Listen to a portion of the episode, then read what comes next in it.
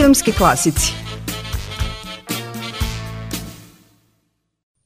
Da se mogu praviti kvalitetna umetnička dela u društvenim, najblaže rečeno, neprilikama, pokazali su mnogi televizijski autori 90. godina prošlog veka u Srbiji. Među njima je i Siniša Pavić. Prva velika televizijska serija nakon raspada SFRJ bili su Srećni ljudi.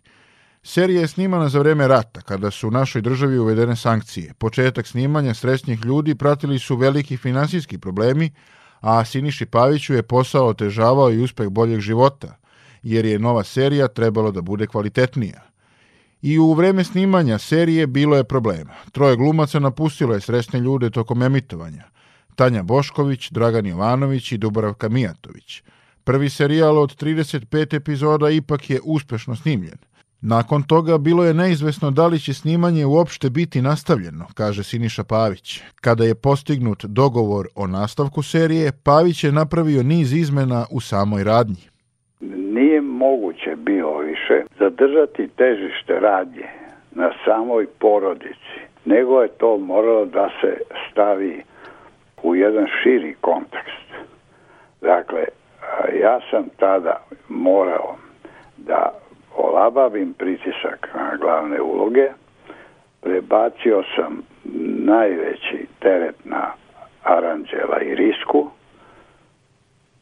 i ubacio nove takozvane epizodne likove koji su bili veliki kao glavni. A to su između ostalih Marinko Bidžić, poznatiji kao Conte Mario Marco del Tintoretto, Šćepan Šćekić i Ozren Soldatović – Zanimljivo je da je Siniša Pavić u srećnim ljudima stvorio lik tajkuna Ozrena Soldatovića pre pojave prvih pravih tajkuna u našem društvu. Tajkun, ovaj, koga igrao um, Dušan Golubovski. Dušan Golubovski i Ozrenka, o, to je poseban jedan ambijent bio, ali očigledno bez njega serija nije mogla. Nama je to bilo a, za sliku a, propadanja društva, nije bilo dovoljno samo da ljudi gube posao, da nemaju dovoljno para, da, da se čeka u redu za mleko. Za trebalo prikazati novo društvo u kome se tamo valjaju velike pare preko onoga telefona, ne govori se ni kolike su se kuferi puni para gde hohštapleri do, uzimaju 200.000 dolara, što Mar, ovaj Mario Marko uzima na čistoj paranoji društva koje sada i naravno tu su e, nezaboravni ti likovi koji su e, od te serije napravili nešto specifično. I pored toga što je Siniša Pavić bio kritički nastrojen prema tadašnjem društvenom uređenju, niko od tadašnjih čelnika radio televizije Srbije i političkih funkcionera nije imao zamerke. Za uspeh srećnih ljudi zaslužni su i režiseri Aleksandar Đorđević i Slobodan Šuljagić. Saradnja sa njima bila je veoma inspirativna, kaže glumica Tatjana Bošković. Ja sam uživala u svakom smislu. Jezičko odeljenje, pa to je bila moja klasa. Znate, Rada Živković, Ljilja Dragutinović i Jelica Sretenović i ja smo klasa.